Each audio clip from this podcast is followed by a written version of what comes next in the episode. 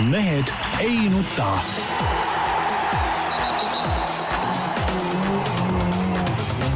mehed ei nuta. selle eest, et mehed ei nutaks, kannab hoolt Unibet, mängijatelt mängijatele. tere teisipäeva, Mehed ei nuta eetris nagu tavaliselt. Tarmo Paju pelgalt Delfist, tervist! Peep Pahv Delfist ja Postimehest. Ei. siiski Päevalehest. päevalehest, Eesti Päevalehest, ei ma Tervist. panin täitsa automaatselt praegu, peab ikka pekki minema mõned asjad. nii. no ei ole see sissejuhatus sul nagu tugevam külg ikkagi olnud kunagi, aga ja tundub, et sa ei arene ka. aina krobelisemaks läheb. no vanadusega. mingis eas muidugi lähebki väheke. jah, ja Jaan Martin on siis Eesti Päevalehest, Delfist ja igalt poolt ka mujalt. poliitikast. no ma olen Arukülast ka ikkagi, et siis ma ei ole, siis ma ei ole ainult Delfist. No siis mina olen jälle Tallinnast ja no. Masalemmast ja see on nagu ikka nagu kõige, kõige kunnim värk. no aga ma olen ikkagi, ma olen nii Jõelähtmest kui ka Tallinnast, nii et see kahe selle tagumikuga mees. No vot, aga, aga mis nüüd poliitikast rääkida, siis, siis ikkagi ma tulen selle alkoholipoliitika juurde tagasi ja kõike. Mul äh, tõesti inimene, keda ma usun ja organisatsioon, keda ma usun, on siis Konjunktuuriinstituut ja selle juht. Ja kui nad ikkagi ütlesid, et asi on täielikult pekkis ja kõik need arvud, mis seal välja toodi, et kui kolmandik ostab endale tõesti koju mingisugused suured laadungid alkoholi ja kui nad, kui kirjeldati, et, et noored mis oli kolmandik noore ostab alkoholi, käib Lätis ostmas viiesaja euro, euro eest, siis see on ju kallid inimesed, see on ju mingi kaheksakümmend pudelit viina umbes no. või siis, või siis mingi, palju see õlu seal maksab, mingi seitsekümmend senti purk on ju. et, et, et kui, kui te vaatate, kui meeletus koguses need noored endale alkoholi koguvad, siis mille jaoks siis? kas tõesti niimoodi hakkavad lilli kastma nendega või? Loomulikult nad joovad kõik selle koguse ära. ma ei tea, õlu ja vein võib-olla teevad lilledele ka head. rammu on seal kindlasti sees. ja, ja, ja kogu selle asja peale siis, siis muidugi seltsimees Ossinovski muidugi ütleb, et ei, kõik on paremas korras ja Eesti tervis oluliselt paraneb, kuigi, kuigi nagu Konjunktuuriinstituut ütles, et inimesed joovad rohkem, aga, aga tervis paraneb. ei no ma, ma ei taha siin muud midagi öelda, aga Jaan lihtsalt natuke parastada, et sa oled kogu aeg see sots olnud ja sotse toetanud no,. said said, said, mis tahtsid ja ongi kõik. No, ja, ja, enam ei ja, ja toeta, nuta no, patte nüüd. no lähengi ja nutangi patti. no vot, noh, paras sulle. sõida Lätti. sõida Lätti, ei no Lätis sai käidud kenasti, võetud teist ja kolmandat ja on muud ka veel midagi või? ei ole. poliitikas ei ole midagi toimunud. kuidagi kehva võitu, sest alkoteemast ei viitsi ka ausalt öeldes jahuda enam. Ei, no jaa, see tundub no... nagu nii selge, et no, jaa, no mida aga..., mida, mida sa enam ütled no?? ei no kuule, need riigijuhid siis võiksid ju midagi teha, kui kõik teile, nad räägivad juba. no nii kuule... palju nüüd Ossinovski ikka ütles, et ikkagi peatame edasised tõusud. ei no jaa, aga praegu jääb puudu sada kümme miljonit eurot. vaadake, mis selle rahaga teha saab. kes selle kinni maksab? Ossinovski, palun mine tootvale tööle, maksa siis kinni see jumala eest. tead, need poliitikud, tead, üks sihuke, vot sihuke seadus küll olla, et eh, poliitikud peavad, ütleme, kui nad on ühe korra Riigikogus ära istunud, ütleme selle perioodi, siis peavad eh, selle ühe perioodi käima kuskil tootval tööl. mitte, mitte ei ole kuskil seal parteikontoris, ei ole mingisugused nii-öelda nõunikud, noh, mis, mis kõige jaburam amet, eks ole, vaid, vaid ikka midagi konkreetset tegema. vot, vot siis oleks nagu jälle eluliselt inimesed suudaks asjale läheneda ja siis võivad jälle viie aasta pärast tagasi kandideerida, vot see oleks nagu okei okay.. ja, ja, ja nelja aasta pärast, palju meil see periood on? ja kusjuures teenida tõesti endal ise palk ja. välja, mitte, mitte riigi pealt. mitte teiste, teiste raha peal elada seal. mõned on istunud seal Riigikogus ju, ma ei tea, mitmeid koosseisus, eks ole, neli-viis koosseisu järjest ja nad, nad ei teagi, mis raha teenimine tähendab tegelikult. muide, siin oli ma ei mäleta, kellega see intervjuu oli, oli väga hea, kui ta läks kuhugi panka tööle, vist oli kas Inglismaale või kuhugi investeerimispanka läks tööle ja küsiti, et palju sa tahad, tahad viissada, viis tuhat naela palka, ütles okei okay,, saad. sa pead iga kuu tooma meile tulu kakskümmend tuhat, siis saad viis tuhat palka ja kui sa kahtekümmet tuhat, tuhandet meile tulu ei too, saad kinga. väga lihtne. noh, nii ongi no üldiselt võiks minna, võiks juurde. minna nagu spordi juurde. no ega siin on. ega siin ka midagi kergemat jah, meil kohe need teemad lähevad siin Tuliselt. raha, raha ja no ka raha. sama selge jutt ju tegelikult. Aga okei okay,, räägime spordist kõigepealt. räägime spordist ja räägime kõigepealt Maicel Uibost, kes sise MM-il jõudis kenasti pronksile ja, ja tegelikult väga vinge tuhande meetri jooksuga võttis selle, võitles selle pronksi Kai Kašmirekilt, Kai Kašmireki kaelast enda kaela. et, et see oli tõesti südijooks ja, ja noh, ma võib-olla ei mäleta neid, neid viimaseid jookse niivõrd palju, aga, aga tõesti pole pilti silme ees, et nii vingelt võidetakse see medal selle tuhande meetri jooksuga, viimase no, jooksuga. Võidetakse küll, aga ma ütlen, et Eesti sportlaste esituses selline asi oli nagu eriti ei, no, vinge ja, ja, ja, ja no meie poolt vaadata jah, ta jooksis ikkagi vägevalt ja mul oli kogu aeg nagu vaatasin seda jooksja, hoidsin nagu hinge kinni, et noh, veel seal oli kaks ringi jäänud, no kas kustub ära või peab vastu, eks see ring. kogu aeg siuke tunne, et, et kas nüüd kangestub, et see jooksusamm oli siuke, ka siuke nagu poolkange juba lõpus, aga pidas vastu ja see oli, see oli päris, päris kõva elamus ausalt öeldes. no mis oli eriti lahe, oli see, et noh, esiteks muidugi kiidame teda ka kuu esimese ala eest, õigemini noh, okei okay,, võib-olla kuuskümmend meetrit mitte, aga aga ta valis ikkagi taktika, mis oli nagu kõige nõudvam ja kõige keerulisem ja kõige raskem ja kõige väljakutsuvam tema jaoks nii-öelda kalkuleeris välja, et see ilmselt on tema nagu nii-öelda kõige suurem võiduvõimalus, kuigi see on kõige, kõige nõudlikum variant, see, et minna ikkagi algusest peale tempoga minema. traumeeris Kasmireki kohe ära, lõi nagu rütmist välja. mitte jätta seal mingisuguse viimase või kahe viimase ringi najale ja mingisuguse spurdi lootuse peale, eks, et see oli natukene selline noh, Erki Noolelik, ütleks isegi vanu aegu ja. meenutades, et meenub, meenub küll neid jookse, kus Nool on ka ära kõrbenud muidugi sealsamas, eriti sisevõistlustel just, lihtsalt suure hurraaga on läinud üritama veel kivist, ma ei tea, mida välja pigistama, aga noh, vähemalt üritama aga kusjuures Erki Nool ütles ka, et see oli ainuõige taktika, sellepärast et noh, keegi oli seal pak-, pakkunud välja, et, et viimase ringini passida ja vot mm. siis rünnata. no seda aga... rääkis Uibo ka pärast, et see, see, see kaalutlus oligi, et ja. kuna Kasmirek on tast kiirem ikkagi sprindis, siis tõenäoliselt ta ei oleks suutnud viimase ringi või kahe ringiga seda sekundilist vahet enam sisse teha, kui kuussada meetrit on longitud. ja, ja kusjuures noh, muidugi tõesti vaatame need hüppealad ikka võim-, võimsad, et ka kaks seitseteist ja kusjuures ta ju hüppas sisuliselt üksinda, tema alustas siis, kui ja. teised olid kõik lõpetanud ja sealt suutis ka kaks seitseteist välja pigistada, Teevas oli päris hea, kuigi no sealt no, oma trumbid ta mängis ikka ideaalselt välja, ütleme trumpaladel ta suutis äh, teha maksimumi ja natuke isegi peale, ütleme see kõrguses, kui kui Teibas, eks ole, et, et sealt, sealt ju need vägevad punktid tulidki, aga need muud alad, noh, olid siuksed eh, noh, ütleme noh, kuuskümmend sa juba mainisid, eks ole, et polnud kõige parem, noh, kuul oli, no seal viimasel ajal on hea, hea, kui üldse tulemuse kirja saab, eks ole, viimaste võistluste valguses. aga sai ilusti ka kirja ja noh, kaugusel ka okei okay, muidugi. et, et eh, ja, ja, ja tõkked, et noh, et selles suhtes muud asjad tegi heal tasemel, pluss siis oma kahel trumpalal võttis selle maksimumit peale. no ilmselt te Teibas maksimumi veel ei võtnud. ma arvan, et tol hetkel see, see oli ikkagi, ikkagi selles võistluses ja. oli see ikkagi maksimum. tal oli ikka väs, väss oli peal ja. järgmist kõrgust. ja vaadates ka konkurentide seda, neid tulemusi oli see ikkagi maksimumi võtmine. no jaa, aga tühjagi sellest pronksist ju kasu ei ole, vähemalt EOK silmist, tähendab praeguse hetke seisuga, sellepärast et mõttetu ala ju ei, ei ole olümpiaala ja selles mõttes mingit toetust ma ei, talle maksta. ma ei saagi nagu aru, et mis, mis lollusega seal EOK-s tegeleda, niimoodi vaatad, võtad inimene tuleb sulle tänava peal vastu või näed, istub sul vastas, vaatad, noh, noh nagu mõistusega täitsa normaalne inimene, eks ole. ja siis hakkavad ajama siukest, siukest joga, et noh, nagu, nagu, nagu tead, kolmas klass või, või, või kuskilt, ma ei tea, erikoolist välja tulnud vennad, et noh. no kust siuksed jutud saavad tulla, et, et see nagu, et meil on nüüd paberi peal nii ja nii on.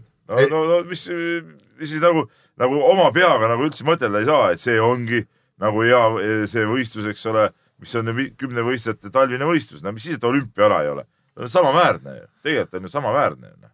no kui me vaatame kasvõi milleks seesama tulemus nagu teisenduks, muidugi ketast ei ole seitsmevõistluses ja, ja odaviset samuti ei ole ja okei okay,, isegi noh, Maicel Uibo puhul noh, ütleme ta seitse, jah, et neljasadat ei ole, eks ole, mis on tal kirstunael vähemalt seni olnud, on ju, aga sellegipoolest isegi, isegi sellest kõigest hoolimata oli see enam-vähem selline kaheksa ja poole tuhande klassi tulemus, ilma et oleks veel nagu ülioptimistlik, ilma et arvestataks sinna sisse veel mingisugust ma ei tea, loodetud progressi, et äkki ta hakkab ikkagi nüüd võib-olla poole või sekundi jagu neljasadat kiiremini jooksma. isegi neid sisse arvestamata oli see selline nagu kaheksa poole tuhande potentsiaaliga tulemus et Tõnu Tõniste täna ka Postimehes, kes ka kajastas seda, kõik kajastasid, eks, tõi seal väga huvitavaid võrdlusi, sama Tõnu Tõniste, kes Jaan rääkis siis sinuga olümpiamängudel, kes ütles, et meil peaks tippspordi, kus, et meil peaks tippspordi pärast piinlik olema ja tõi ühe näitena ka seda, et meil, et üks neid tõestusi on ju ka see, et vaadake, et meil ei ole ühtegi sportlast, kes oleks siin ennast nagu nende toetuste peale võistelnud.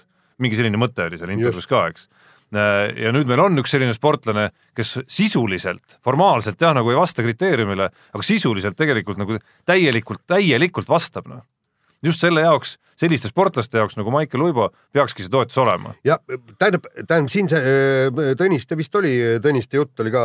ja ta, vabandust, ja ta võrdles veel ja just, kui ma tahtsin, mis ma tahtsin mainida, et ta võrdles, et kui me teeme selle erandi, et siis tulevad, ma, ma ei tea, siis tulevad mingid laskjad, kes on mitte olümpiaalal saanud äh, midagi, saavutanud midagi või siis tulevad purjetajad, kes mitte olümpiaalal, aga seal on nagu suur vahe Maicel Uibo võitles ikkagi enamikuga maailma tippudes, nende samade meestega ja enam-vähem ikkagi täiesti samal alal. ja kusjuures ma tahtsingi selle punkti juurde tulla, et me ei saa võrrelda purjetajatega, tähendab, minu meelest peaks siin Uibo puhul ja, ja ka teiste sportlaste puhul mitte vaatama niivõrd neid kriteeriume, vaid äh, tegema selgeks, kas sportlane on võimeline järgmisel MM-il või olümpial tulema kümne sekka see on see meie piir, taanlased panevad oma nii-öelda A-kategooria, kas on võimelised tulema kaheksa sekka okei okay,, me oleme natukene tõesti. no võime ka kaheksa panna või kuus panna, ikka ei, ta mahub sisse sinna. just, tähendab, kas on võimeline, seal ei, nii ja selle ja siis ma, siis sealt laheneks ju kõik asjad, kui sa purjetad teises võistlusklassis, siis palun, sa tuled MM-il esimeseks, aga kas see sportlane on võimeline tulema olümpial kümne sekka? ei, sellepärast et seda paadiklassi olümpial kavas ei ole. täpselt samamoodi on ka laskmises kui, kui sa tõesti suurekaliibrilise äh, püssiga äh, tuled maailmameistriks, seda püssi, seda ala ei ole ju kavas. ja teine asi on ju ka see, et, et me, me ei saaks nii kitsarinnaliselt seda ikkagi võtta, me peaksime natukene seda laiendama ka need äh, noh, praegu on, pange tähele, kui Uibo tuleb EM-il neljandaks, siis ta ka ju toetust ei saa, sest EM-il saavad toetust ainult medalimehed. aga vaadake, kes seal on, põhimõtteliselt kõik need no, praktiliselt sama koosseis, no ütleme ameeriklased, eks ole, on veel juures, eks ole, ja seal on mõned, mõned veel, aga, aga tervikuna muidugi, no sa peaks, saad aru, reeglid peavad olema, selles suhtes on muidugi õige, et paberi peal on teatud reeglid fikseeritud, no millestki peab ju lähtuma, onju, aga alati tuleb ikka, seal on see kuulus tippspordikomisjon, eks ja ole. selle jaoks need no. inimesed ongi. ja selleks inimesed ongi, et, et eristada. just ja et Tõnu Tõniste näi, jutu näitel, et tehagi vahet sellel purjetajal kellel ei ole olümpiaklassis mingisugust lootust äh, kahe aasta pärast olümpiamängudel äh, võistelda, ma ei tea, kuuiku kaheksa või esikümne koha peale ja Maicel Uibol, kellel on see kahtlemata olemas, isegi medali pärast võidelda võimalus on olemas. ja, ja, ja minul nüüd tekib küsimus, et, et äh, kui me võtame kõik need spordi tippriigid, võtame Suurbritannia, võtame sellesama Taani, Uus-Meremaa, Austraalia, võtame selle Norra, kas nende süsteem näeb ka ette, et näiteks Norra suusataja hakkab toetust saama, korralikku toetust hetkest, kui ta tuleb maailmameistrivõistlustel kaheksa sekka. mis asi see olümpiatoppen on? sinna võetakse ka need vennad, kes tulevikus hakkavad ju medaleid võitma. just, et me, me. kõige me... raskem ongi ju see just see, sel sportlasel, kes nagu pürgib alles tippu, mitte sellel, kes juba on tipus. just ja, ja, ja nüüd ma äh, näiteks siit võtame kasvõi sellesama Martin Liivi, kes oli, äh, mis ta oli, kaheksateistkümnes, kuueteistkümnes, kui ta olümpial oli, eks. et ühesõnaga jah, nii, kas, kas sellel vennal on nelja aastaga võimalik areneda top kümnesse, eks? ja, ja, ja nüüd, kui me paneme see, et, et me maksame talle C-grupi toetust kuussada eurot kas selle rahaga on tal suuremad eeldused, kas või siis maksame talle ikkagi natukene rohkem? äkki, äkki selle pealt ta tuleb sinna kümnesse, aga ma kardan, et selle kuuesaja euroga tõesti tuleb, me lihtsalt raiskame ühe talendi jälle ära ja, ja siit me võime ka veel edasi minna. aga noh, ma vaatan, et EOK peasekretär Siim Suklas on tunnika tagasi kirjutanud juba Facebooki, et EOK tippspordikomisjon koguneb kakskümmend seitse märts, alles seejärel andke meile hinnang emotsiooni peab nautima, aga otsuseid ei saa alati vaid selle pealt teha. seega tark ei torma ja ootab otsused ära, mis viitab ilmselgelt sellele, et äh, need seisukohad, mis võib-olla siin kahe päeva jooksul on EOK inimeste poolt välja öeldud, noh võib-olla. enam tänasel Oot-oot-oot, kellaajal ei ole nii kindlad oota enam., Tarmo, ma, ma olen täiesti kindel, et seal läheb äh, suureks catch'iks, sest no Erki Nool juba lubas, et Lo- loe, loe sealt kohe alt vastust Jaanus Kriiski, kes samuti no Kriisk ajab muidugi nagu oma asja natuke Ei, aga tema ütleb, et- kergejõustikuliit peaks vastutama selle eest, et Uibo saaks valmistatud, kui Aga- ta ei mahu aga- nende kriteeriumide sisse jah, aga ta ütleb seal ka kohe, et temal on kindel ei tippspordikomisjonis, nii et, et ma arvan, et, et sealt lähevad äh, need arvamused kenasti lahku ja seal läheb para, parajaks catch'iks. igal juhul huvitav saab olema, huvitav, kas otse, otseülekannet ei saaks teha kuidagi? saaks äh, live stream'i sinna tuppa panna uh, -huh. et kes siis nagu on nagu äh, sportlase eest võitleja ja kes siis nagu ajab mingit äh, oma asja. ja aga kui, ütleme, ütleme, et see jääb kõik nii, nagu ta on. Maicel Uibo teeb oma asja edasi seal, noh sisuliselt jääb isegi segaseks, kelle toel abikaasa, ei abikaasa no, okei pere okay., selles suhtes ma ma ütlen kohe vahele, selge see, et kui sealt midagi ei tule, siis see on kergejõustiku asi lahendas asi ära, see on nagu selge. et teeb oma asja edasi seal, kuidas ta seni on teinud, noh sisuliselt ilma ju noh, mingi väga suure abita siit Mhm. Eesti poolt on ju, et ülikool ja, ja noh, kogu see nii-öelda Bahamal olemine on ilmselt ikkagi kuidagi abikaasa ja tema suguvõsa nii-öelda teema, eks. Et eh, kui ta siis ühel hetkel kuhugi jõuab, siis me räägime jälle ühest nagu täiesti süsteemivälisest sportlasest justkui, okei okay,, see, kuidas ta ütleme, ülikooli tasemele jõudis, see on nagu nii-öelda Eesti spordisüsteemi vili, aga kõik, mis sealt edasi, on nagu tegelikult null sidet. Pole mõtet Uiboga nagu ühele pildile ronida, ronida, ronidagi Eesti olümpiajuhtidel. Aga, aga veel kord, tähendab sellele, selle tippspordikomisjonile praegu just idee ikkagi enne seda koosolekut mõtlemiseks, kui Maicel Uibo tõesti teeb kaheksa tuhat viissada EM-il ja saab neljanda koha, õiglane näiteks tuleb kaks punkti rohkem ja tuleb kolmandaks, siis jällegi tal toetust ei ole. ta paneb kaheksa tuhat viissada punkti ja ei ole toetust, noh. ei ole, kuussada eurot kuus, noh. absurdne ju. no muidugi on absurdne, loomulikult absurdne. aga põgusalt veel, üks, kes toetuse peale kenasti jäi, oli Xenia Balta sellel samal sise-MM-il, kuigi äh, Xenia tuli sektorist ära ja oli ikkagi maru vihane. Marus ja see kaheksas kaheksas koht mis ta sealt sai, ei olnud kindlasti see, mida ta, mida ta tooma läks aga, põhjendus on siis ka, eks ole, et, et kuulajad ka aru saaksid, eks ole, et kuna kaugushüppes saab ka sisevõistlusel täita tiitlivõistluse normi, siis nagu ütleme, võrdsustatakse välisvõistlusega sisevõistlus, noh. see on, see on siis see põhjus, miks, miks Seenia Balta oma kaheksanda kohaga saab toetuse peale, no mis on ka õige, loomulikult peabki saama, ega, ega maailma kaheksas naine olla on ju ka, noh, ei ole ju kokkuvõttes äh, mingi halb asi, vaid see on ju kõva asi tegelikult, eks ole.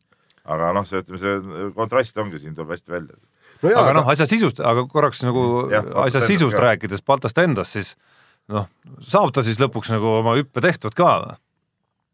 tekib see küsimus, et no põhi- et vorm justkui on elu parim, aga, aga tehniliselt ta seda ära vormistada ei suuda. kuule, kui te vaatate kõik need hüpped üle, siis sealt oli ju selgelt näha, et, et äh, umbes kolm viimast sammu tal lihtsalt oo- hoog läks alla. ja nagu ta äh, pärast siis nagu äh, noh, me vaatasime siin, analüüsisime nii palju kui meie oma, ei, analüüsis ei, aga ei, aga sa saad aru, see oli nii ilmselgelt näha sealsamas teleekraanil ja siis pärast ta ise ütles ka, et pika hoojooksuga ei, ei suuda oma tulemust ära teha, et et noh, selle kallal tuleb tööd teha, no kui sa vaatad, kus see na- naiste kaugushüpe praegu ikkagi läheb, me räägime ikka kuus kaheksakümnest, kui sa tahad medalit saada. vahetame saate osa. ja, ja vahetame saate osa ja lähme kiire vahemängu juurde ja siis Eesti meistrivõistlustel poplaul-, laulmises võidutses koloratuursopran Elina Netšajeva. no siin Peab ongi küsimus, siin ongi küsimus, kas see oli poplaul? tähendab, et kas siin ei ole nagu ütleme ka sama ütleme, teema nagu Uiboga või? nagu Uiboga, ta läheb nagu formaalist välja nagu natuke, noh. et kas see saab teda üldse nagu selle ala no tšempioniks nagu keegi lugeda ei ole muidugi öelnud. see on sama hea kui, see on sama hea kui suusatamises, eks ole, et on nagu eh, klassikastiil ja vaba stiil, eks ole. nüüd eh, see tuli nagu mingi vale stiiliga. Jah, selle vahega, et kuskil ei ole reeglites öeldud, et see on poplaulu Eesti meistrivõistlused või, või et Eurovisioon on poplaulu Euroopa meistrivõistlused. Ta on lihtsalt lauluvõistlus. klassika Eurovisioon on eraldi. ta on lihtsalt lauluvõistlus, sa võid minna räppima sinna, tee mis tahad, noh. võid lastelaulu või, või koorilaulu vist päris ei saa minna, sest seal on osalejate arv end piiratud Jah. näiteks, noh. nojah ei, mul ei ole otseselt Netšajeva laulu vastu midagi, isegi eh, noh, sa tegelikult vist isegi ei pea laulma seal, sa võid lihtsalt muusikat teha ja tantsida seal taustal.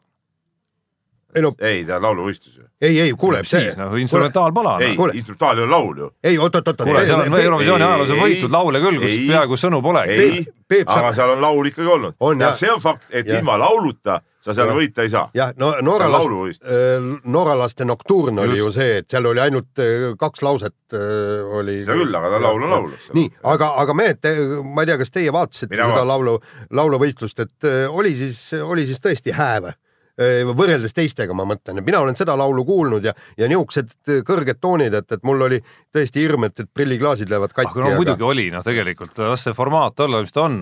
inimene A, kes on vokaalselt väga võimekas, B, kes on väga šarmantne, ilus kurat ilus ikka. ja no üks asi on ilu, aga teine asi on kogu see olek ja see noh, et ta lihtsalt võlub inimesi. loomulikult tuleb äh, selline inimene saata sinna. ja, ja kusjuures, kusjuures oskab laulda ka. võtab ikka noodid päris õigesti välja. Et äh, see noh, sellist on, ma arvan, uhke saata sinna, ükskõik kuidas tal läheb sinna. ei no ta ei ole vist ükskõik, kuidas ta läheb, no see on jälle siuke umbluu jutt, et Tarmo. ei ole, peab minema võitma sinna, No noh. ja ta lähebki võitma, noh. no mis ükskõik, kui ta läheb, ma ei tea, üheteistkümneks, ma ütlen, et kuradi jama tead, läheb põrus, noh. see on selge ju. noh, mis asja, ega me siin mingit hinna Saskia. Alusalu tuli tagasi miskipärast, sa ütlesid, et äh, tubli neljas., tubli ta. oli neljas. noh, aga sa ütlesid tubli, kiitsid teda no kuidas, kuidas nii siis? ta ei olnud üheteistkümnes. okei, no tema võttis oma maksimumi välja, eks ju. ja, ja minu meelest selle ei, kui me saadame kui siin on me mingi saadame vast- sellise erilise laulu, siis me läheme ainult võidu peale välja, see on aga eks ta selge. lähebki, noh. nii, ja kui võitu ei tule, siis on põrumine. ahah, nii on, loogiline. selge, aga paneme ikkagi nagu pinged peale talle. paneme pinged peale, aga jääme korraks veel sellesama äh,, oli ta siis poplaulmise või lihtsalt laulmise Eesti meistrivõistlused äh, ehk siis sealt sündis äh, selles ülekandes ka üks selline põhjapanev lause ja mõtteavaldus, mida võib ka sporti võib-olla üle kanda või võib-olla ka mitte, nimelt teiseks jäänud Stig Rästa teatas, et teine koht on vahel paremgi kui esimene. jama jutt, Stig Räästa. muidu, muidu mulle meeldivad Stig Räästa laulud tihtipeale, ta okei, okeid äh, asja teeb, aga see jutt on, on jama. teine koht ei ole kunagi parem kui esimene. Teine aga koht no- on kaotaja. siis on, kui sa, võib-olla sa ei tahagi minna sinna Eurovisiooni. ei no siis ei ole mõtet võisteldagi ju. ja no, siis ei, ole tähelepanu ikka tahad no. ei, mis, ei vot see on jälle siuke, siuke umbluu. võistlus on võistlus.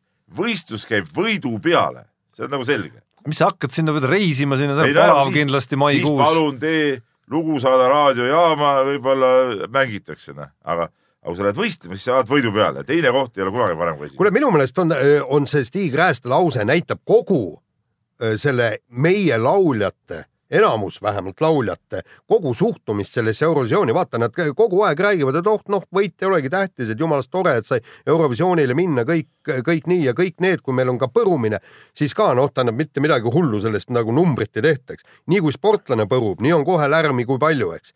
Aga kui laulja no, põrub, no ikka pärast Eurovisiooni kohti on lärmi kõvasti ja Ei, no on vähemalt- ikka, on ikka. kuule, kas äh, Xenia Baltamaa moodi kaheksanda koha puhul nutma? Ma tahaks näha ühte, ühte venda, kes, kes läheb seal. äh, ma arvan, et Vaiko Eestisse. hakkab küll nutma, sest ta läheb ikka võitma. Vaiko Eplik minu mäletamist mööda kunagi sai isegi mingis Eestimaa kolkas üle tahi pärast seda, kui Eurovisioonil oli aga kuule, ma- ta oli erakordselt kehva looga ka ju, no kuule siukse. oli või ei olnud, aga- vaat see oli, vaat see oli juba, see oli juba nii-öelda tippspordikomisjoni eksimus, et selline eh, mees sellise lauluga välja lasti üldse. kas mitte rahvas ei hääletanud teda seal oligi ülekantud tähenduses, eks ole, see rahvas oligi seekord see komisjon eksis, sest laul oli erakordselt halb, erakordselt halb. tookord, sellega ei saanudki kuhugi jõuda, mäletan väga hästi. ja, ja ootan lauljatelt ka äh, hinnangut endale, kui nad ei võida, siis jah, ma olin sitt ja, ja ma ei oleks väärinud sinna miks vormivad ajastuda õigeaegselt, jah, täpselt. kõik need asjad. nii on, nii, aga lähme nüüd edasi eh, taas nagu päris spordi juurde ja Saskia Alusalu kirjeldas eh, seda eh, minule antud intervjuus siis, väga hea intervjuu, kusjuures lugege kõike. eh, kuidas ta Pyeongchangi olümpial eh, laenas siis Sloveenia hokikoondiselt massaažilauda ja kanadalasest massööri, kes siis käis teda salaja siis eh, masseerimas, nii-öelda lihaseid töötlemas. et, et tegemist oli siis Eesti nii-öelda pikalt parima sportlasega, et, et kas see sihuke asi on siis normaalne või Jaanase jutt, kas EOK-l piinlik pole? Et no tegelikult Eestil olid oma füsioterapeut kaasas, aga need olid nagu siis nagu see suusatajate no no. olümpiakülas, ma sain aru, mitte seal üleval, kus siis äh, Alusalu elas. kuulge, ega sealt ei ole ju pikk maa tulla, see oli buss seal oli muidugi teine, nüanss kolmkümmend. muidugi veel, et ta ütles, et ta, ta Kanadas oli varem ka koostööd teinud mm. -hmm. aga ütleme nende eestlastega ta varem polnud teinud, eks ole Ja, ja.. aga noh, see kõik see laua laenamine, no see Jaa, on nonsenss täiesti. no kas ei oleks saanud siis massaažilauda temale sinna alla külasse ka tuua, kasvõi see asi, et sa ei pea hokimängijatelt laenama ja, ja me räägime, kallid inimesed, me räägime tippspordist, me räägime olümpiast, me räägime inimesest, kes sai neljanda koha, eks. okei okay,, noh, kas ta nüüd õiguspäraselt oli neljas või mitte, aga igal juhul ta oli finaalis, finaalides Ja- ikka õiguspäraselt. just, finaalis ja õiguspäraselt olgem ausad, ta tegi kõike väga õiguspäraselt. ja kõiki tegi väga õiguspäraselt ja, ja, ja nüüd, ja nüüd selgub, et, et ta peab massaažilauda laenama ja siis. ise selle kuskil mööda maja ringi jooksma, laud ka kuulge, see, see ei ole normaalne, see, kallid inimesed, ei ole tippsport. ei no kogu see asi tegelikult, ma tahan, mind nagu väga huvitab nüüd, et, et, et kas äh, selle tulemuse järel on tulevikus ka nii, et Alusalu peab uisud kaenlas kuskil otsima, kes ta uiskitimmiks muidugi, ja ise, ise okei okay, viiliga sealt eritab, aga seal nagu tuli välja, eks neid peenemaid töid ta ise nagu teha ei saa, et siis käib ja otsib, kes teeb, samal ajal kui teistel tiimidel on need inimesed olemas. kuule, meil on praegu ju kaks kiiruisutajat, kes tegelikult ju MK-sarjas tiirlevad, nagu nüüd peaks olema tagatud juba, uisuliit peaks juba tagama selle, et nendel oleks üks inimene, kes äh, tegeleb nende, mis sa Tarmo naerad? Uisuliit.. Nende uisude asjadega, noh. selle, selle sõna peale noh, ei no on ju uisuliit. ei no on tõesti uisuliit noh. et no põhimõtteliselt neil peaks olema siis tähendab minu teada ühesõnaga ei ole uisuliidust küll olnud kiiruisutajate karjäärile väga palju tolku, no aga ei ole olnud küll jah, aga ma mõtlen, noh, no kuule, kuule, sul on siuksed sportlased olemas, noh, üks saab neljanda koha, teine saab okei okay, kaheksateistkümnenda, aga tegi kõva sõidu, on ilmselgelt perspektiivikas sportlane. No come on, no mille peale veel siis nagu üldse uisuliit nagu raha kulutab, kui üldse mingit raha on? ma ei ole kindel, et neil on, no iluuisutamine on meil kadunud no, juba no,. no jaa, aga ilustamist pidid ka mingid uued inimesed välja tulema või no, no, no igatahes see on nagu nonsenss, noh, see on nagu nonsenss kõik.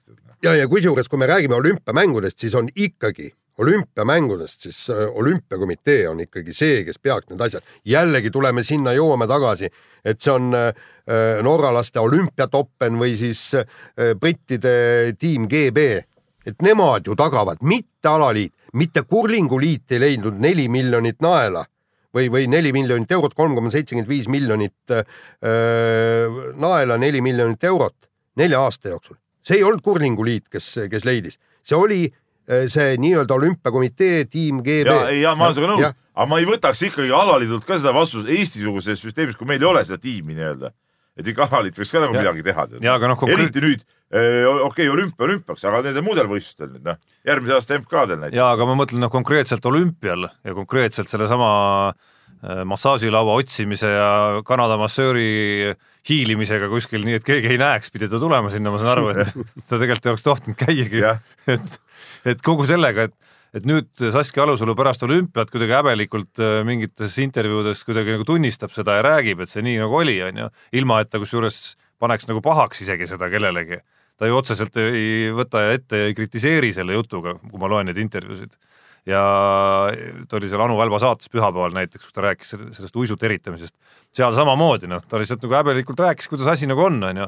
ei võtnud sõna niimoodi, et, et pagan, et kus te olete, miks, miks keegi mind ei aita ja nii edasi, nagu, nagu paljud tegelikult teevad ja, ja ilmselt ka põhjendatult teevad. ehk siis äh, kas nagu teiselt poolt need, need inimesed, kes siis nagu meie olümpiadelegatsiooni eest vastutasid seal, kas neil ei tekkinud küsimust, et Saskia, kuidas sa nagu hakkama saad? Või ta siis neile ütleski, et ei, ma saan küll, et siin Kanada tüüp hiilib ja siis ma kuskil hokimeestelt leian selle või kui ta nii ütles, et siis oleks ju võib-olla mingi lamp pidanud põlema olema, ei kuule, nii see asi ei käi ikka, et noh, natuke segaseks jääb see kõik, kuidas see asi välja nägi. jah, aga ma ütlen, et see meie Eesti EOK ja tippsport on ju tegelikult naljanumber. ongi nagu naljakas muidugi. nagu, nagu kuradi ma Benny Hilli koomiks kuradi ma võrreldes muu maailmaga. Aga noh, nagu järgmine teema, mille sa Jaan sisse juhatad, ütleb, et võib-olla me ülehindame ikka kõik seda, seda taustavärki seal. ja endine eh, tipplaskesuusataja Even Tuudeberg siis rääkis, et jutt määrdemeeste imedest on absoluutne jama ja rahva lollitamine, et tegelikult nagu ta ütles, et tema võtab öö, kuskilt kambrist välja kaheksakümnendate aastate suusad ja need libisevad määrded. ja vanad määrded ja, Ja suusad, ja suusad libisevad sama hästi kui, kui öö, praegu nii-öelda määrdemeeste timmitud suusad, et noh. äkki ta on paarkümmend kilo juurde lihtsalt vahepeal võtnud, siis, siis lähebki raskusjõuga nagu mäest alla, jah. raskusjõuga lähed sama kaugele. nagu tegelikult Marko Kilp on ju. Võrreldes ta ti- tippspordi aastatega no ütleme niimoodi, et, et ma olen selle mä- määrdemeeste nii-öelda testimise juures omal ajal väga kõvasti olnud, kui meil meie suusatamine oli ikka tipus ja siis vaatasin nende tööd ja siis kõik, kuidas nad näitasid, et, et kuidas üks eh, libiseb mäest alla tõesti märksa pikemini, kauem, tähendab eh, sportlane saab eh, rohkem jõudu hoida, ei pea hakkama tööd tegema, kõik ja kõik see on ka arvestatud välja ähm, põhimõtteliselt sekunditesse. ja seal oligi niimoodi, et, et nagu nad ütlesid, et tippmääritud suusa. Ja, ja väga hea suusa vahel on üks sekund kilomeetri kohta. Ja kui me võtame viieteist kilomeetri raja, raja, siis on viisteist sekundit. Ja, ja viisteist sekundit, vabandage väga, on juba küllaltki palju ja, ja kusjuures ma olen ka oma äh, mälestustes oli vist, see oli kas ja see võrdlus, vabandust, oli veel nagu normaalse suusaga, mitte halva suusaga. jah, ja, ja kusjuures see oli äh, Ramsau etapp, kui Kristiina Smigun ükskord laskumisel lihtsalt, see oli pikk-pikk laskumine ja kui ta pika laskumisega teistega tegi rahulikult viiskümmend meetrit vahet sisse ja põhimõtteliselt läkski järgmisele ringile täiesti uhkes üksilluses. et kuna tal olid suusad tõesti niivõrd head no olümpialt me kõige rohkem jääb meelde sellest samast ooperist meeste teatesõit vist, kus norralaste vabasuusad eelkõige olid ikka nagu jah. väga võimsad, noh, see Klaavo tegi ju nalja sisuliselt seal ja tsirkust tänu nendele suuskadele ka päris palju. just, et, et, et päris see nii, aga ma arvan, et eks Urmas Välbe, kui Tudebergiga äh, kohtub, et siis kaaslane ja, võiks ja, ja vanad tuttavad kindlasti, et tehku, tehku see asi klaariks, andku ka teada. aga noh, eks tema jutus noh, ega tema jutu peamine mõte ei olnud siiski nagu suuskida määrdemehi määrdemehi kuidagi Jah. maha tampida ja loomulikult ma arvan, et ta lõpuni ei arva nii, et tema jutu teine pool oli ju siiski see, et rohkem sõltub sportlasest ja sellest, kui palju sul kätes ja jalgades rammu on ja kopsus. Oota, kellel seal oli, kas äh, tuligi just olümpial juttu, kui, kui kellelgi olid see äh, suusad ei pidanud eriti hästi ja, ja siis, kui ta tõi näite, et, et näed, et Björgeni või oli vist Björgen, et tema suusad ei olnud ka eriti head, et nad andsid tagasi, aga ta käte jõul pani sinna mäkke lihtsalt, et äh, aga ütles, et meil nagu nii palju jõudu ei ole, et, et käte najal sinna mäkke täie kiirusega panna no,. siit ta tulebki see vahe. nii, aga kiire vahemängu lõpetuseks veel üks teema sarjast. vanasti oli rohi kõvasti rohelisem. Martin Müürsepp on rääkinud oma NBA karjääri algusest ja meenutanud, et kui liidu koondises tegi ta kaheksa tundi päevas trenni, siis NBA-sse minnes oli see kõik veel raskem. Hästi nii ongi. Peep, kuidas teie noored seal?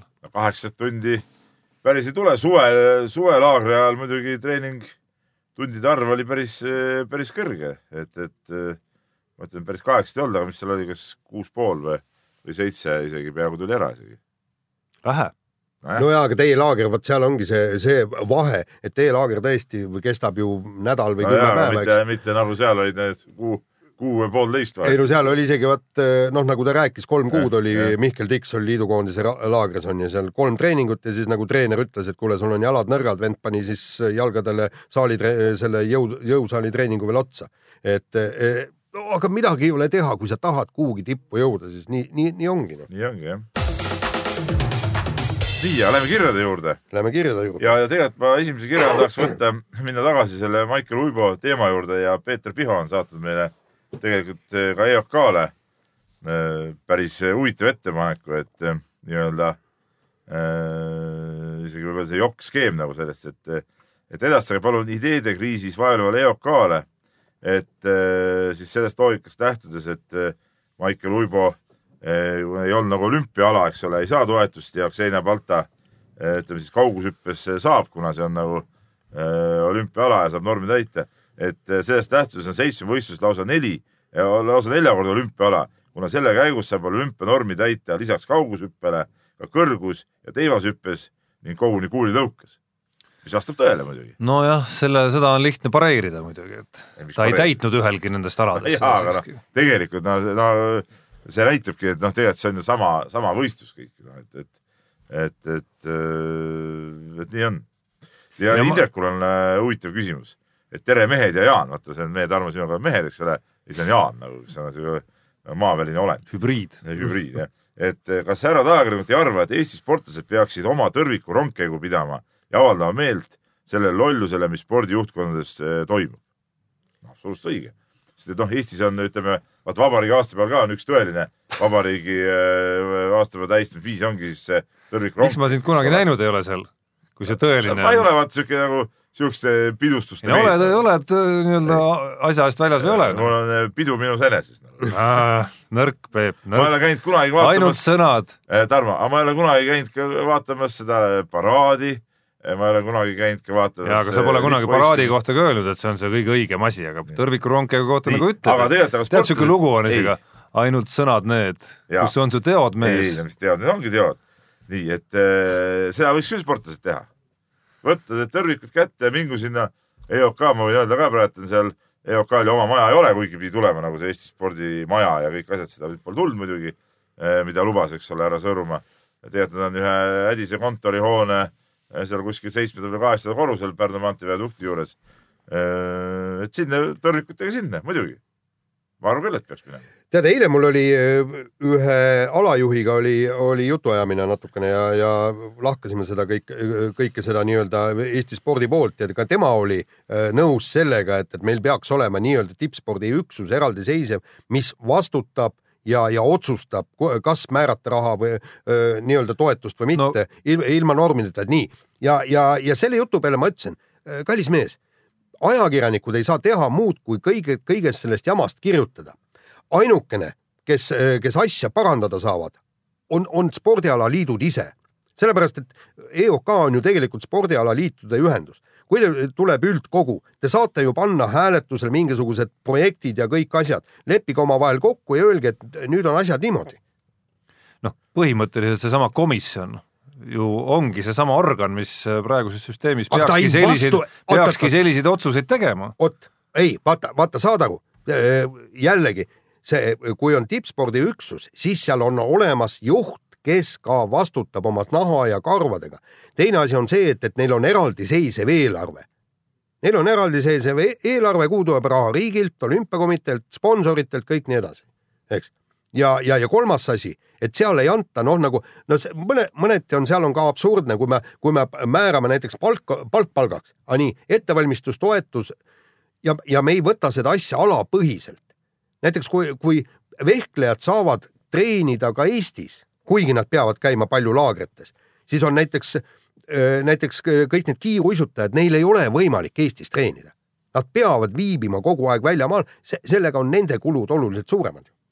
Ei no Ja- eks seal on neid erisusi veel, noh, on ju paljusid alasid, kus äh, justkui selle süsteemi järgi noh, ei olegi võimalik mingit toetust saada, sa võid näiteks olla maailma, ma ei tea, kuuekümnes tennisist, mis on iseenesest suht kõva, kõva asi juba, aga noh, maailmameistrivõistlusi, Euroopa meistrivõistlusi, olümpia, no olümpia veel on, on ju, aga aga sul ei ole noh. täpselt sama nagu la, ja laskja, Saskia Alusalu on ka enam-vähem, lugesin Märt Roosna seda nii-öelda isikliku tippmargi järgi ka kuskil seal no.. olümpia neljas, jah, nii on. nii, just aga nii, et, nii et sportlase spordialaliidud tõrvikud kätte olümpiakomiteesse ja muutke ära, kui te selle süsteemiga rahul ei ole, siis teie saate seda teha, ajakirjanikud ei saa. nii, Vello Vidrik on meile kirjutanud ja tal on siin eh, muidugi sihuke eh, natuke segasevõitu kiri ja ta on siin mõnest asjast võib-olla valesti aru ka saanud, aga, aga ma siin, ta siin natuke nahutab meid ka siin, eks ole, selles asjas. et ähm, valus on kuulata sellist silmakirjalikku vingumist näiteks peale Saskia Aluse neljandat kohta sellel teemal, kuidas nüüd äkki ühtegi sportlast ei toetata. EOK kindlasti ongi üks hunnik häda, aga terve hooaja olete te rääkinud sellest, et mõttetu on neid keskpäraseid sportlasi toetada ja olümpiale saata ning sellise jutuga välja tulla. et, et siis ta siin teebki meile nagu ettepaneku, et kandideerige ROK-i presidendiks või juhatusse, et oma ideid ellu viia, ma arvan, ta mõtles EOK, mitte ROK-i muidugi. ja teiseks no sina, Peep, kui- oma alla, see EOK sinu jaoks jääks kindlasti no kitsaks seda. küll. teiseks, kui, kui te seda teha ei taha, aga teie ideed vastu võetakse, aga need ei tööta, siis te kas eh, ka vastutate ja hakkate tootvat tööd tegema ja ei aja adru suust välja. nii, no põhimõtteliselt esi, esiteks me võime ka öelda seda, et me teeme tootvat tööd, et põhimõtteliselt me toodame artikleid, saame selle eest palka. jah, toodame eh, tähemärke õigemini, no, millest siis moodustuvad artiklid. aga, aga teisalt eh, ma olen seda meelt, et igasugust tonte pole vaja toetada, aga nii nagu me siin rääkisime, perspektiivikaid sportlasi ja neid, kes tulemusi teevad, tuleb toetada, just neid, kes võivad tippu jõuda, seda me ennem ka ütlesime. nii et Vello, kõik on õige, aga, aga sa polnud asjadest õieti aru saanud. nii, aga Kalmer eh, kirjutab meile, siin on ka jälle huvitav jälle, ta räägib siin nagu minu selgrootusest, aga see muidugi ei vasta tõele. see vastab kindlasti tõele, juba Saskia Alusalu näitel nagu näha. nii, et kuulasin teie arutelu olümpiamängude ülekannete õiguste teemal. pean siinkohal nõustuma Peebu arvamusega, et need võiks siiski kuuluda Rahvusringhäälingule. no absoluutselt, eks ole, see on selge. nii, üllatusena tuli aga tema kriitika EOK aadressil, et nemad midagi selle nimel ei teinud, et need ülekandeõigused oleksid ERR-i käes. minu mäletamist mööda oli Peebu arvamus Jalgpalliliidu diidist ERR-iga natuke teistsugune. tegelikult ei olnud mina nagu pooldasingi seda, et jalgpall on ERR-is muuseas. et selles suhtes Kalmeril on võib-olla No parem sina Tarmo olid võib-olla selle vastu. siiski sa nagu asjaosalisi kritiseerisid. Eh, ma kritiseerisin eh, võib-olla seda asjaajamist, aga tervikuna ma olin selle poolt, et jalgpall oleks ERR-is ja see olümpiakomitee teema tuli tegelikult meil sellest eh, Leedu näitest, Jaan, eks ole, mille sina kuskilt ka maha lugesid ja, ja, ja, ja selle, selle jutu põhjal see tuligi, et Leedu olümpiakomitee ostis need õigused ära ja jagas siis eh, kanalite vahel ära, eks ole. ja, ja kusjuures sai selle kätte poole odavamalt. pool odavamalt kui Jah., kui meil siin ja noh, nüüd eh, eks, eks eh, Eesti meedia tulemused on käes, eks ole, eile alanud siis koondamiste laine nagu ilmselgelt võib seda seostada sellega, ütleme olümpiakuludega, aga võib-olla ka mitte muidugi. see oli meelevaldne avaldus, aga noh, nii arvame. nii, aga lõpetuseks, kirjade lõpetuseks ikkagi jõuame ka jäähoki juurde ja Herman kirjutab meile ja, ja eelmises saates mainisite, et eh, niinimetatud Vene olümpiaatleetide koosseisus jäähoki olümpiavõitluses olnud Pavel Datsjuk sai kolme kullaklubi liikmeks. muide, pärast kaheksateist aastat esimene venelane. Peep küll mainis, et tal on ka Kaarini karikas olemas, aga ma arvan, et siin oleks eh, paslik mainida, et mees peaks olema tegelikult esimene ehk siis asutajaliige nelja kullaklubis ja nõu-, tõenäoliselt jääb ta pikaks ajaks ainukesena sinna klubisse. et eh, ütleks, et tegemist on võrreldava saavutusega, rootslased omal ajal kolme kulla klubi asutasid. Muidugi peaks ongi. ja nii ongi, aga ma tean, et teine mees tuleb veel varsti sinna nelja, nelja kulla klubisse. Kovatšuk ütles, et ta kavatseb minna NHL-i nüüd tagasi ja Stanley Cupi ka ära võtta, siis tal on ka neli olemas. no just Noh. ja, ja mees ütles, ja mees mees ütles, ja mees teeb, noh. ma arvan, et äh, ma ei tea, Sidney Crosby'l on äh, täiesti ükskõik sellest Gagarini karikast siiski. ei no ütleme Euroopa mõistes see on nagu Euroopa kõva. mõistes võib-olla küll, aga, aga noh, ütleme ka Euroopa mehed ei hakka siiski selle neljanda karika pärast KHL-i selle pärast tulema. No aga võiks ju. no miks ka mitte. NHL on siiski maailma tugevam hokiliiga. ei no aga äh, muide pappi makstakse ei, pappi KHL-is võib-olla. makstakse, aga NHL rohkem, on maailma tugevam hokiliiga. Te ei hakka selle neljanda karika pärast KHL-i kolima. Ee, no ma aga võiks ju, olen. nõus. no selleks, et saada neljandat Jaa. karikat. milleks noh parem saada viies Stanley karikas neljanda kõrvale noh. ma olen eh, nõus Tarmo selle väitega, et NHL on liigana kindlasti tugevam, küll aga oleks päris huvitav, ma ei ole päris kindel selles, et kui näiteks Stanley Cupi võitja ja Gagarini karika võitja, ütleme, teeks mingi vabalt võiks teha muidugi. Eh, ma ei ole üldse kindel, et see eh, mingi ühepoolne värk oleks. ma arvan, et ei pruugi ei üldse olla pruugi üldse muidugi, olla. ma olen nõus sama. Peterburis ka, kus kuusteist meest olid praeguses olümpiakoondises, võib äh, äh, rahulikult selle NHL-i klubidega mängida, mitte mingit äh, vahet ei oleks. seal on sealsamas Peterburis kaaski on NHL-i kogemus siiamaani. ei no nagu sa näed, vahel isegi korvpallis suudavad Euroliiga klubid mängida NBA klubidega võrdselt.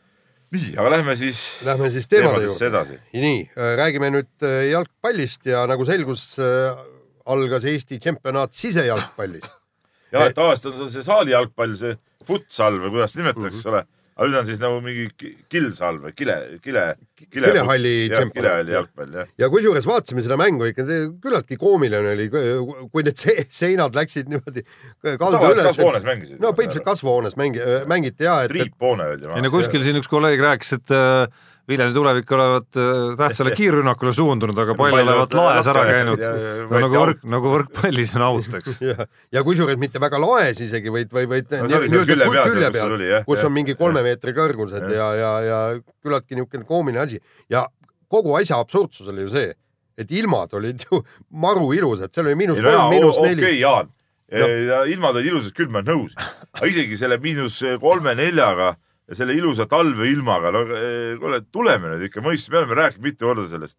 miks see nii on, sellepärast et jalgpallurid ei viitsi MM-i ajal mängida, tahavad eh, vedeleda diivani peal, nautida suve ja vaadata eh, televiisorist MM-i, noh. kuule, see on, see on nõmedus kuubis ja see ainuke aeg, kui on nagu ilus jalgpalli nautimise aeg, millele võiks inimesed ka väljaku äärde minna ja vaadata mänge, siis ei mängita ja nüüd talvel mängitakse. Ja publikut ju nagunii ei olnud vot, vot ma tahtsingi öelda, et nad räägivad see sellega, et, et kui on jalgpalli MM-i ajal korraldame meie nagu nii-öelda tšempionaadi, siis publik kohale ei tule. nüüd nendele eh, saali mängudele tuli eh, kokku sada kolmteist inimest per mäng, neli mängu seal peeti. Keskmiselt, eks ole. ja, ja keskmiselt. Sada kolmteist inimest per mäng. et, et see, nagu jutt oli see, et, et kui me suvel ei korralda, alustame varem, siis tuleb palju publikut kohale. ja, jah. see on ikka kõvasti. no ja, ja ega see rahvas ei oleks ka sinna lumehange tulnud no.. no ja absoluutselt noh, see on ka selgemast selgem, nii et ütleme jalgpallipropagandast rääkides, see küll mingisugune õigustus ei ole, et, et sellist asja teha, et, et, et ma ei saa nagu aru, miks Aivar Pohlak, kes tegelikult on ju seda, ütleme noh, olgem ausad, seda jalgpalliasja tead, me võime siin kiruda ja rääkida, on ju tegelikult hästi ajanud ja arendanud. et miks ta nagu selles küsimuses nii eh, rumalalt seda, seda vagu nagu künnab noh. jäärapäiselt noh. ja, ja, ja kusjuures seal ju või võiks publikuvaenulikult noh. just, võiks ju üks aasta proovida. mis siis juhtub, kui me alustame hoopis äh, kuskil aprilli, noh, ütleme märtsi teises pooles, ja teha tihedamaks see asi siis just ja, ja, ja äh, mängida ka su suvel, ükskord proovida, mis siis juhtub? No see MM-i ajal mittemängimise nagu argumendid jäävad siiski nagu natukene segaseks, ma saan aru, et seal tähelepanu hajub ja, ja kõik see on mingi tele, mingi aga see teema nagu ma aga olen aru saanud. nojah, et ETV-sse ei mahu korraga ära nad võib-olla sisse, aga noh, no, mis siis ikka jääb natukene, natukene varju seal vahepeal, noh, selles mõttes, et see, mis praegu toimub, on ju veel hullem kui see, mis oleks MM-i ajal see mängida. kohalik vutifänn, kes tahab oma näiteks Viljandi tuleviku fänn, kes tahab Viljandis mängu vaadata, ta läheb selle MM-i ajal ka seda mängu vaatama, igal juhul ju läheb. mängige hommikut, hommikupoole, no ei no jaa, ma ütlen, et, et see kohalik fänn läheb ikka vaatab seda oma, oma klubi mängu, ta on selle fänn, eks ole. Muidugi, kui meil on mingid klubid, kes on nii-öelda a la Kuressaared ja mängi-, teevad trenni Tallinnas ja seal no ütleme mingit kohalikku tatsi eriti pole, siis on nagu teine asi, eks ole. aga ütleme, kes on normaalsed klubid, nende fännid ikka lähevad. noh, ja teine asi on nagu kalendri sättimine selles mõttes, et äh, märtsi algus, veebruari lõpp on ikka nagu noh, väga ja väga talv veel igas mõttes, kevad, kevad teadupärast algab kusagil kahekümnenda, kahekümne esimese märtsi kandis on ju Jah.. aga sügisel lõpeb premium-liiga ju kuskil seal novembri esimeses pooles, kus on talve ametliku alguseni veel enam kui kuu aega aega. jaa, aga see on juba päris hilja tegelikult, Tarmo. et, et kas see nihe võiks siis natuke lükata sinnapoole, no noh tõe-, ei no tõenäosus juba ütleb, tihendagu seda ja, ja aga tõenäosus ütleb, et märtsi alguses on kindlasti talvisem Nojah, kui kui novembri lõpus., rohkem nagu ütleme aastavahetuse järgsesse aega, eks ole, mitte nagu, mitte nagu vanasti. nii, nii, siin meie hea kuulaja muidugi Ants kindlasti suudab meteoroloogia teemadel kindlasti nüüd sekundeerida meile järgmiseks saateks Ants, kirja valmis, ootame su kirja. aga vahetame teemat ja käesoleva nädala spordisündmus number üks kahtlemata on äh, Mehhiko WRC ralli. Ja küsimus väga lihtne, kas Ott Tänak võidab? ma saan aru, et äh, seekord justkui kõik kaardid on äh, käes olemas, teepuhastaja rollis ta ei ole Terrino Vill on juba öelnud, et äh, tema kindlasti ei pretendeeri võidule sellel rallil tänu sellele, Mehhikos on päris palju neid kive ja seal on päris raske ees sõita. tavapäeval seal. et paneme punktid kirja, nagu ma aru saan. no päris eh, nii ei julge muidugi ütelda, ma arvan. minu jaoks kõige huvitavam asi selle ralli juures on ikkagi Sebastian Loeb. No ma ei usu, et, et mis ta suudab, noh, see on nagu No, huvitav, noh. ja tähendab, ma, ma, ma ei ei, usu, ei, ma saan aru, aga see on ikka huvitav vaadata mis jah. kiirusega ta võrreldes praeguste ässadega suudab sõita, minu jaoks see on nagu küsimus number üks sellel rallil. aga, aga, aga ma arvan, et Jaan, et sul ei ole päris õigus, ma arvan, et ta sõidab päris kiiresti. nii, ei, ma, ma ei kahtle selles, et ta kiiresti sõidab, ma ei usu, et ta esikoha peale suudaks sõita, aga, aga nüüd on, Oti puhul on see, et jällegi, kui me räägime maailmameistritiitlist, siis on nüüd see Mehhiko ralli jällegi, kuna tal on väga soodne stardipositsioon võrreldes eh, konkurentidega, et, et nüüd, nüüd on vaja neid suuri-suuri punkte, vot nüüd on seda võidupunkti vaja ja nüüd oleks vaja ka öö, seal nii-öelda punktikatse mõned punktid öö, ära võtta. Et, et see ei ole niimoodi, et, et noh, et siksime seal te- teiste-kolmandate kohtadega ja vaatame, mis lõpus saab, eks. vot see on nüüd see koht, kus, kus tegelikult tuleks rünnata, sellepärast et vaata, kui ta siit edasi natukene läheb ja saab paremaks, siis kohe tulevad kruusarallid, siis ta hakkab eespool sõitma, siis on jälle öö, temal see asi veidikene kehvem. vot praegu on see koht, ründamise koht. ei, kindlasti see on nagu oluline, aga ütleme, ega seal on eh, teisi sõitjaid veel, kellel see on, see koht on nagu olemas ja, ja see positsioon on täitsa, täitsa okei okay.. no seda nüüd küll, aga, aga noh, tuleb ikkagi võidu peale minna. ei, ei muidugi, muidugi, et ma arvan, et see tuleb väga huvitav ralli, väga huvitav ralli tuleb. ja, ja kusjuures jällegi, kui me räägime MM-tiitlist, siis äh, punktikatsel ei saa niimoodi, et äh, enam, et ah, ma töristan kuidagi lõpuni, et, et võtan selle rallivõidu ära, eks, et, et aga, aga ei riski nagu nende punktidega, ei, siin tuleb täiega panna. jah, no ma, mul on tunne, et ta on sellest niigi juba aru saanud ja ka viimasel rallil tegelikult asi ei olnud ju töristamises siiski enam. ei no aga viimases rallis polnud tal mingeid punkte ka kaitsta, mis ta oli siin. nojaa, aga sealt saigi ka, et äh, mis sa said, kaks punkti või? jah. Ei no jaa, aga no seal, seal ta võis muidugi rünnata, aga, aga tavaliselt on ju see, et, et kui ta on rallid ära võitnud, siis ta võtab väga tagasihoidlikult neid äh, punktikatseid. no ma arvan jah, et, et äh, viimane aeg on nagu näidanud, et noh, tegelikult ta teab kõike seda, et see jutt äh, ei ole nagu midagi uut nagu tema jaoks ka, mis praegu siin rääkisime, et äh, ikka ma tulen selle lööbi juurde tagasi, et sa ütled, Jaan, et lööb ei, ei, äh, ei pruugi võita, samas temal ei ole nagu mitte midagi kaotada erinevalt teistest. Ta saab sõitagi maksimum kuule, kõige, kõige magusam oleks see esimene tänak, teine lööb. et võtab, võtab, võtab punktid ära. No, no kindlasti, vot see ongi, see tema see roll ongi nüüd see veesegane, neid punktide äravõtmised, paar rallit on veel, kus ta osaleb ju. et, et palju siis talle neid punkte sealt ära läheb ja kellelt ta just need punktid ära võtab, see on nagu üli, ülioluline. loodame, et mitte meie meelt. nii, aga äh, räägime natuke korvpallist, korvpall viimasel ajal nagu sihuke nagu tagasi äh,, kuidas ma ütlen, pildilt ära nagu natuke klubi korvpallist ja Kalev Cramo mängis siis pühapäeval Permis äh, kohaliku meeskonnaga ETV ühisliigas ja see oli oluline mäng nagu selle play-off pääsu eest võitluses ja olid ühel pulgal enne seda mängu ja no ei olnud nagu head, head värki ja, ja sai, saadi kohe hädi taha ja, ja saadi kahekümnega nii-öelda naha vahele ja, ja, ja ollakse jälle play-off'i joone all ja, ja, ja nüüd juba neljapäeval jälle on tähtis mäng Riia VEF-iga väljas, eks ole, ka, kellega võideldakse seal, et, et noh, siin tuleb ikka mingid võidud ära võtta, et eh, play-off'i pääsust nagu rääkida. No nüüd on kaks mängu järjest kaotatud ikkagi, mis, mis on olnud just nii-öelda põhikonkurentide vastu ja see ütleme, kui see Nižni Novgorod võib-olla ei olnud veel nii inetu, siis see Permi mäng oli ikkagi päris inetu, et ma ei tahaks kuidagi leppida selle põhjendusega, et peatreenerit ei olnud ja sellepärast siis kuidagi ma ei tea, mindi, mindi kuidagi väga vähe lihtsamalt, et sellel poolel lasti endale visata ju mingi viiskümmend punkti või palju see täpselt oli seal, pluss-miinus mõni, samal ajal oldi esimese poolega tehtud kuus viga, noh, mis on juba iseenesest kuritegelik, kaks fakti kokku pannes on juba kuritegelikud. mis näitab ka agressiivsuse puudumist. Ei no jaa, aga mis, mis seal, kui, kui me vaatasime seda mängu, no seal põhimõtteliselt äh, lasti seda kolmest, no sa, sa, sa noh, selle, selle pealt sa nagu väga nagu viga ei tee, nad panid seal ju kõik sisse, mis, mis ette jäi esimesel veerandajal. no aga sa pead siis kaitset tooma ikkagi kolmese peale ka rohkem välja ja agressiivselt no, olema, mitte, mitte laskma visata, noh, et see ongi. et kuidagi see, see nüanss nüüd, mis äh, kuidagi Eesti koondise mängus väga sümpaatne tundus, eriti Iisraeli vastu selline noh, puhas agressiivsus ja see, see kõik tundub nagu Kalevi mängust vaikselt nagu viimaste mängude najal nagu kaduvat, mis, mis on nagu natuke murettekitav ja, ja teleülekandes siin kolleeg Rinaldo kirjeldas seal mingisugust stseeni, kus soojenduse ajal seal kodanik äh, Briscoe oli kõvasti nii-öelda shortcut'e teinud seal, kui kõik teised läksid, patsutasid äh, keskjoonel seisnud Indrek Reinboki kätt, siis tema oli kuskilt veiderdanud sealt kuskilt vahelt. et juba see fakt, et nii sai teha ja et äh, sellele kuidagi nagu ei reageeritud, öeldi, et kuule, mees, mis toimub nüüd on ju, jooksed siia või, või lähed praegu kohe hotelli tagasi, onju. et need on natuke niisugused veidrad signaalid. no eks temaga ongi palju veidrusi ja, ja see ja, aga noh, vaata kui kuskilt niisugune asi rebeneb, siis, siis kuidagi see, see, see kandub edasi tegelikult. kandub edasi, noh, see on, need on väga, väga, väga halvad asjad ja ma ütlen, et et noh, okei okay,, jah, peatreeneri haigestumine ja kõik see kindlasti ka mõjutab, aga. ei no tihti me aga, näeme, et ka abitreenerid suudavad jaa, siiski.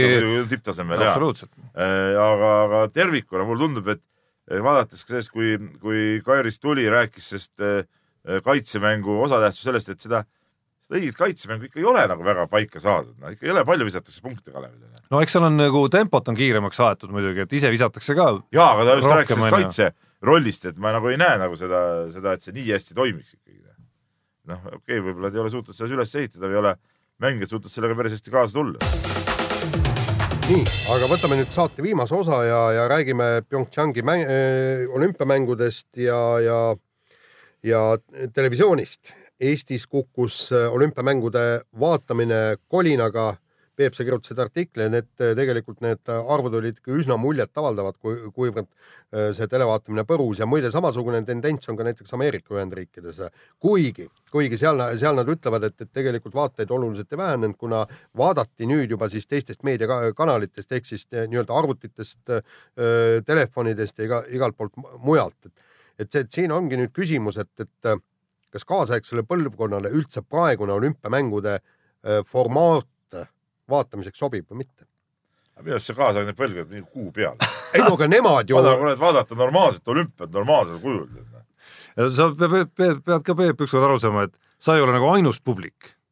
ma olen õige publik., ei no ei ole õigemat ja valemat, on On. üks publik ja kui sa oled, Kuule, kui sa oled olümp- kui sa oled äh, olümpiamängude, seda ja olümpiat oota, kui sa oled olümpiamängude korraldaja, siis sa peadki suutma nagu peebud sinna saada ja, ja kõik teistsugused inimesed sellega ka ongi noh. olümpia ära rikutud, et on, on hakatud seda niimoodi laiali ajama, et kõigi jaoks midagi, oh toome neid kottpükste sinna, toome mingeid tilulilusid sinna. kui neid ei oleks, oleks olümpia vaadatavus veel väiksem. ei oleks.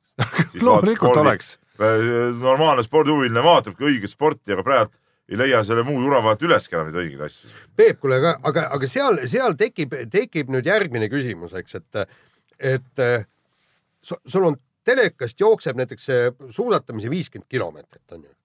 nii, sa vaatad, kaks venda on eest ära, kuskil grupp on kahe minuti ka, kaugusel ja, ja, ja minutite, minutite, kümnete minutite kaupa mitte midagi muud, muud ei ole.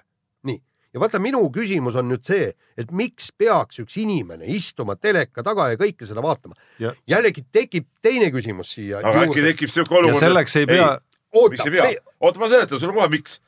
aga äkki nüüd väsib, näe väsis ju äh, Poltoranin ära, tead. nii, mis nüüd saab, äkki keegi tuleb tagant juurde, praegu ei tulnud, äkki järgmise kilomeetri peal tuleb, ikka huvitav oota vaadata., Peep Noh., ma räägin nii nagu sulle. vanasti, Jaan, vaatasin viiskümmend eraldi stardist, näe, sul olid need paber ja pliiats, nii nüüd tulid kolme koma seitsme peale, siis olid seal kümme koma kaks, ahah, vahet, ahah, näe, siin andis järgi, näe, ja ma siit just graafik Peep, Peep tahtsingi edasi., tahtsingi öelda, et, et olen ka mina neid kaustikuid pidanud, kõik vaheajad, mis telekast üldse nagu on võimalik ja üldse silmasid seal kuidagimoodi fikseerisid, kõik üles kirjutanud absoluutselt. aga aeg on ju edasi läinud, me ei Oota. tee seda enam ju. Peep, ma räägin sulle, kuidas mina tahaksin vaadata olümpiamänge täpselt samamoodi nagu ma vaatan Ameerika jalgpalli. mul on neli kasti lahti arvutis ja kui ühes-kahes on, on need nii-öelda reklaamipausid, siis ma näen kolmandat mängu. Ja mis on seal veel üks suur pluss, on see, et on ni niisugune telekanal nagu Red Zone, mis näitab ära kõik otsustavad ja paremad momendid kogu selle vooru peal. Aga, aga, aga Noh. seda ma just ütlengi, et tuleb leida uus formaat, kui käib see viiekümne kilomeetri tuim nühkimine, siis mul on suurel ekraanil kasvõi kurlingumäng, kus on ägedat midagi, näiteks viimane frame või, või viimane voor või midagi või, või siis ükstapuha kiiruisutamine või midagi Ja, ja, see- teine, teine on ei, ei, si- aga ma räägin sulle, ma no tegelikult normaalses eh, kohas ongi see, on, on eh, ülekanne, eks ole, ja siis samal ajal, kui mingi mõne huvitav asi toimub, pannaksegi see pilt siia nurka eh, teisest asjast ja kui vaja, siis vahetatakse ka ära, et see ongi normaalne ju. niimoodi tehakse ju, ma vaatasin ja ma räägin seal Norras ja Rootsis, seal käiski niimoodi noh. Tuli mingi käinud muu või? asi, no meil, no meil oli mingi taskutelevisioon ju, see on üldse naljanumber ju. sellest räägime noh, see oli ju, see oli ju, ma ütlen, see oli ju madalaim tase, mida üldse võimalik teha see oli latt ei olnud mitte, mitte maa peal, vaid see oli kümme meetrit maa sees ja ka see aeti sealt maha veel. No sa räägid- sellepärast ma võrdlen nagu, ma käisin, ma käisin olümpia ajal, ma olin kolme riigi, okei Soome koos nelja riigi televisioonist sai vaadata olümpiat lisaks Eestile. kuule, igal pool oli see asi üles ehitatud läbi stuudiote, ülekanded vahepeal muutusid seal, kõike sätiti vastavalt sellele võistlusele. niimoodi käibki see asi, see ongi normaalne ju noh. ja aga sa, sa räägid siin ainult tegelikult. aga ma räägin, et päris ala ühest, ja päris sport ei, sa räägid ainult ühest asjast tegelikult, ehk siis sellest lineaarsest televisioonist on ju, et kui nende numbrite juurdegi tulla, siis mida aasta edasi, iga aastaga eh, noh, neid numbreid ongi omavahel mõttetu, aina mõttetum võrrelda, sest need eh, numbrid ju muunduvad kogu aeg, numbrid lähevad eh, nii veebi otsevaatamisteks, nende klippide üksikuteks järelvaatamisteks ja kui sa need numbrid panid oma loo juurde kirja, kui sa need see inimene lood vaatab, kui ta otse ei vaata, siis see on nagu mingi muu asi, noh. see klipp ei puutu enam Peep, sa asjasse. tead väga hästi, isegi meie saadet kuulatakse üheksakümmend viis aga protsenti spordivõistluse võlu kuulatakse otse, tegelikult järele. Ehk meie saade võistluse võrrelda. no mingis mõttes on ikkagi see Üldse ei võrdlus nagu võimalik, et see lihtsalt muutubki sellisemaks, et et see, et lineaarsed numbrid vähenevad, ei tähenda, et automaatselt olümpia vastu huvi on vähenenud, tõsi, ma arvan, antud juhul loomulikult on, aga siin on ju mingid muud faktorid ka, kui me Eesti auditooriumist räägime, ehk siis mille ümber me oleks pidanud siin Eestis nüüd nii hirmsasti telekate ette siis ronima. see võistluse enda pärast, lisaks sellele, see on kõige rumalam küsimus, mida Tarmo üldse peaks, küsima. lisaks sellele, et äh, nii-öelda ajaliselt oli see väga ebamugav olümpia loomulikult, pooled võistlused olid siiski noh, ütleme enne üheksat hommikul, ei olnud, enne üheksat oli väga vähe asju. no ikka omajagu ainult asju oli. murdmaasuusatamine oli paljuski Nä- nädalavahetusel ikkagi nädalavahetus, on normaalne, tõused üles kell kaheksa. kui ma ärkasin üheksa viisteist näiteks, siis ikkagi läksid juba viimasel ringil enam-vähem suusatajad okay,, et jah. see ei ole teleaeg, sa oled nõus sellega, onju. ei ole, kui ma olen spordisõber, siis ma vaatan seda. no jaa, aga sa saad- saadki aru, et spordisõbral on valikuid ju nii palju, miks ta peaks mis valik, olümpia on püha, kas sa ei saa aru siis? olümpia on püha, sa küsid, miks me peaks jaoks, vaatama. No jaa, aga mina olengi see õige vaataja, nii. ja kus nüüd? sa küsid, sa küsid, et, et eh, miks peaks vaatama. omal ajal me vaatasime, meil polnud mingeid eestlasi seal. kus olid eestlased olümpiamängudel, kaheksakümmend neli Sarajevo, mingeid eestlasi polnud ju. kuule, see oli ju ülim, mis toimus, tead ma noh. saan aru, et me mul on see olümpiapäevik siiamaani alles. seal Sandra Dubrovšik seal mingi tõi selle tõrviku, tead, mul oli seal kleebitud kõik. ma ei oska joonistada, aga joonistad selle, selle logo kõik sinna juurde, sest see on ju, mis eestlane siia puutub, tead noh, see on olümpia ju. kurat, kas aru ei saa?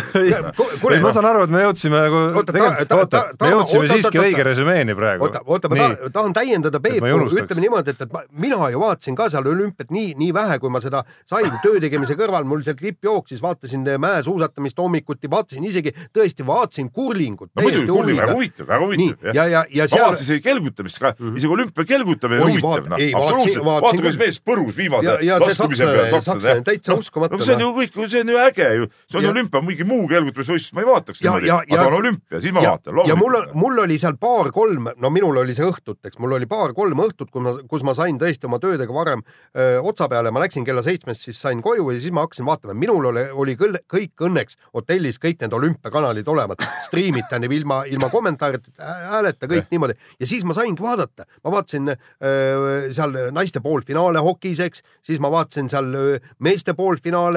Vot see on õige spordisõber, noh. nii, kui tuli Tarmo, saan aru, vot see on õige mees, kes peab vaatama. nii kui, nii, nii kui tuli vaheaeg, kohe ma klikkisin, vaatasin kurlingut, värki kõik, eks noh.. ja, ja, ja ma tõesti kella seitsmest kuni siis, mis meil kell kaksteist lõppes, ma vedelesin seal diivani peal ja nii nautisin neid olümpiamänge seal. Äh, ma nüüd üritan ka öelda midagi siia vahele. esiteks ma vaatasin ka olümpiat päris palju. suusaaladest, laskesuusatamisest, mäesuusatamist, mida iganes, onju. et äh, no ma- ei tuleks selle peale, et öelda, et nii ongi ainuõige, ma vaatasin olümpia ajal ka meistrite liiga jalgpalli näiteks. Mina. küll ei vaadanud. või natuke või, või no vot, või siis äh, Euroliiga korvpalli. Või siis see ei olnud olümpiaga aga noh, ma ei tuleks selle peale, et öelda nüüd, et see ongi nagu ainuõige inimene, et, et see on ainus õige eestlane, ainuõige kes spordisõber, ma ei räägi ainuõige inimene, inimesed, keda ei huvitagi sport, ärge vaadaku, mis mul nende no. spordisõbrad on ka erinevad, ma räägin nagu õige spordisõbrast no-, õigest. okei noh, nad on õiged või valed, vahet ei ole, no ega nad selle spordisõbrad ei ole, kui nad on siis valed spordisõbrad ja õiged spordisõbrad, aga eks me peame siis leppima sellega, et neid õigeid spordisõpru, no neid siis on vähemaks jäänud jah, nii ongi, ongi jama noh, surevad ära noh. aga ega- selles ei ole õiged spordisõbrad süüdi.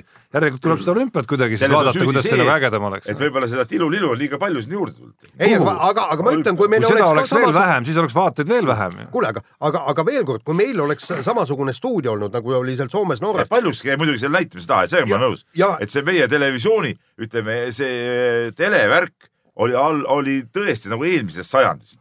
ja, ja, ja, ja ma, ma mõ- mõtlen, kui see tõesti noor spordihuviline, kui ta tuleb tõesti, vaatab seal võib-olla laskesuusatamist, mingit põnevat ala ja kui tulevad lülitused kurlingusse kõik, äkki jääb pilk peale, äkki hakkab vaatama, kurat, see on tegelikult kihvt ju. ja kuule, aga no väita siiski, Peep, et äh, vahet ei ole, kas eestlane on seal konkurentsis või ei ole, noh noh, see on ju ka absurd, et äh, eeldada, et sel ajal, kui Andrus Veerpalu sõidab võidu peale, on sama ütleme, vaatajate arv sama, mis siis, kui Algo Kärp sõidab Ei. seitsmeteistkümnenda koha peale. Tarmo, siis, loomulikult on vahe siis. on, tuleb vahe sellest, et siis tulevad ka need, kes tegelikult ei ole spordihuvilised järsku oi-oi, nii tore, ma vaatan siin ka seda, tead, noh, see, see, need inimesed üldse ei huvita.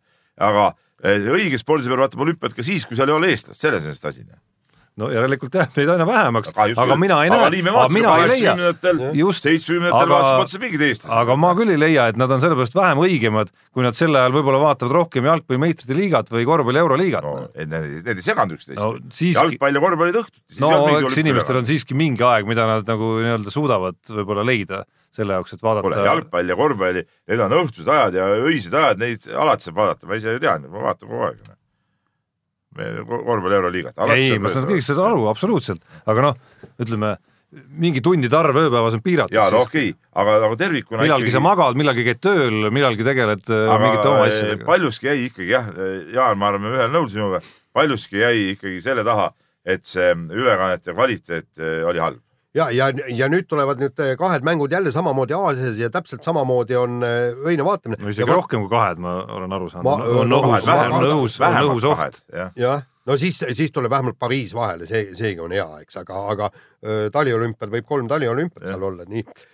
ja, ja siis peabki tegelikult see nii-öelda telepildi näitaja peabki mõtlema, et, et kuidas, kuidas paeluda seda publikut, kuidas see pu- publik sinna telekate ette tuua. jah.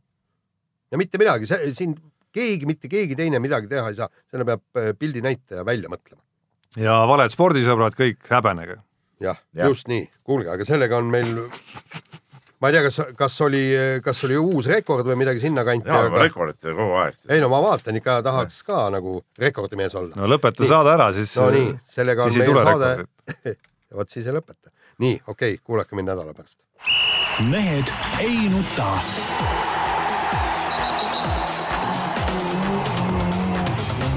Mehed ei nuta